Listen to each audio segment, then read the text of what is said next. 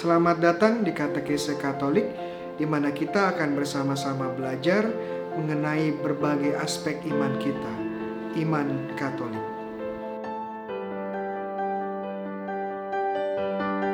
Shalom, teman-teman terkasih dalam Kristus. Saya Romo Bayu Ope. Selamat datang kembali dalam program Katekese Katolik yang dibawakan oleh Aquinas Center for Theology and Spirituality dan juga Faith Line. Pada seri katekese kali ini kita akan bersama-sama membahas tentang turunnya Roh Kudus atas para rasul atau yang kita kenal sebagai Pentakosta. Sebelum kita bahas lebih mendalam tentang perayaan penting yang satu ini, kita mencoba menjawab pertanyaan yang sering muncul di antara kita. Pentakosta atau Pentakosta? Di dalam kitab suci bahasa Indonesia, secara khusus edisi terjemahan baru, kata yang digunakan pada kisah para rasul bab 2 ayat 1 adalah Pentakosta. Tidak heran jika banyak saudara-saudari kita dari gereja protestan menggunakan kata Pentakosta ini. Namun sedikit berbeda dengan gereja kita, gereja katolik. Jika kita kembali ke teks Yunani, kata yang dipakai adalah Pentekoste yang kemudian diserap dalam bahasa Inggris menjadi Pentecost. Berdasarkan hal ini gereja Katolik di Indonesia menggunakan kata Pentekosta dan bukan kata Pentakosta.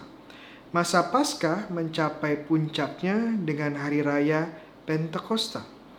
Kata Pentakosta sendiri berasal dari bahasa Yunani yang berarti yang ke-50. Jadi hari raya Pentakosta adalah hari ke-50 setelah Minggu Paskah kebangkitan Tuhan kita Yesus Kristus. Hari Pentakosta ini sendiri kita tahu merayakan turunnya Roh Kudus di atas para murid-murid Yesus yang berkumpul di Yerusalem.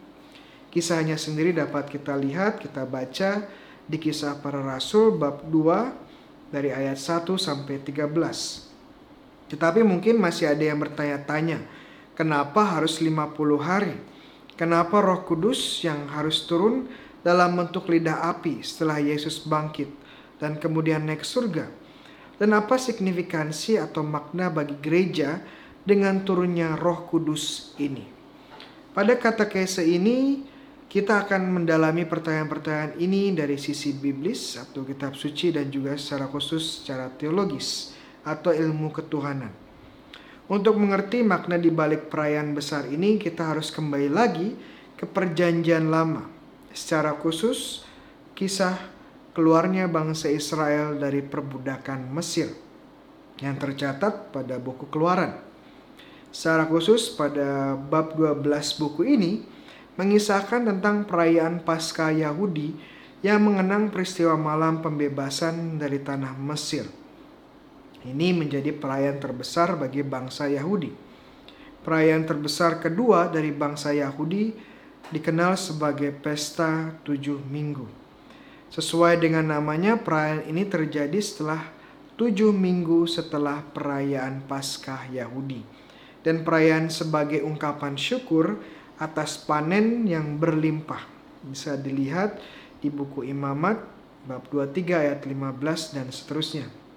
Namun menurut para rabi atau guru bangsa Israel, selain merayakan pesta panen raya, perayaan ini juga secara khusus mengenang Bani Israel yang tiba di Gunung Sinai dan menerima hukum Tuhan di gunung ini. Kisahnya bisa dilihat di kejadian bab 19 dan juga bab 20. Jadi dalam perjanjian lama bangsa Yahudi merayakan Paskah, hari raya pembebasan dan pada hari yang ke-50 mereka merayakan hari raya tujuh minggu.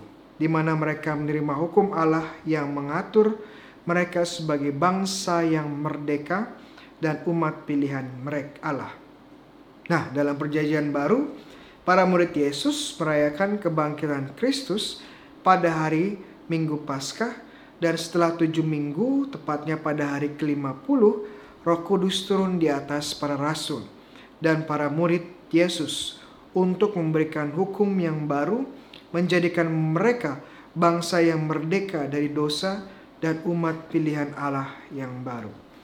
Lalu kenapa Roh Kudus perlu turun dalam bentuk lidah api? Kenapa tidak dalam bentuk merpati atau bentuk-bentuk yang lainnya? Jawabannya terletak pada apa yang terjadi saat Tuhan memberikan hukumnya kepada bangsa Israel di Sinai. Dalam kitab Keluaran bab 19 ayat 16 sampai 18 kita bisa membaca dan terjadilah pada hari ketiga pada waktu terbit fajar ada guruh dan kilat dan awan. Awan padat di atas gunung dan bunyi sangkakala yang sangat keras. Sehingga gemetarlah seluruh bangsa yang ada di perkemahan. Lalu Musa membawa bangsa itu keluar dari perkemahan untuk menjumpai Allah. Dan berilah mereka pada kaki gunung, gunung Sinai. Ditutupi seluruhnya dengan asap, karena Tuhan turun ke atasnya dalam api. Jadi kenapa lidah api? Karena Allah sendiri turun dalam bentuk api di Gunung Sinai. Roh Kudus adalah Allah yang sama yang turun dalam api di Gunung Sinai dan sekarang turun dalam bentuk lidah api dalam pesta Pentakosta. Bentuk api ini menunjukkan siapa sebenarnya Roh Kudus ini. Dia adalah Allah. Tidak salah jika hari raya Pentakosta juga adalah hari raya Roh Kudus. Sebuah perayaan yang mengingatkan kita tidak hanya akan peran dan tugas dan misi dari Roh Kudus di dalam hidup gereja dan juga hidup kita, tetapi juga akan identitas Roh Kudus. Bahwa Dia adalah pribadi ilahi ketiga dari Tritunggal Maha Kudus. Tidak salah jika katekismus gereja Katolik mengatakan demikian. Pada hari itu, Pentakosta, Tritunggal Maha Kudus dinyatakan secara penuh dan utuh Sejak hari itu kerajaan yang diumumkan Kristus telah dibuka bagi semua orang yang percaya kepadanya.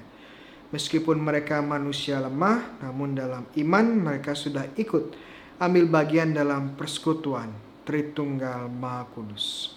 Oleh kebangkitannya yang tidak terputus-putus, Roh Kudus membiarkan dunia masuk ke dalam zaman terakhir, yakni zaman gereja. Katekismus Gereja Katolik nomor 732. Demikian kata Katolik kita untuk Hari Raya Pentakosta. Dan untuk teman-teman yang memiliki saran dan juga pertanyaan bisa langsung ditulis di bagian komen di bawah dan jangan lupa untuk like dan subscribe YouTube account atau channel kita dan follow akun IG kita di faithline.id untuk mendapatkan katekese-katekese berikutnya. Dan jika teman-teman merasa katekese ini bermanfaat, jangan lupa untuk di-share. Tuhan sertamu, kita semua diberkati oleh Allah yang Maha Kuasa, Bapa, Putra, dan Roh Kudus. Amin.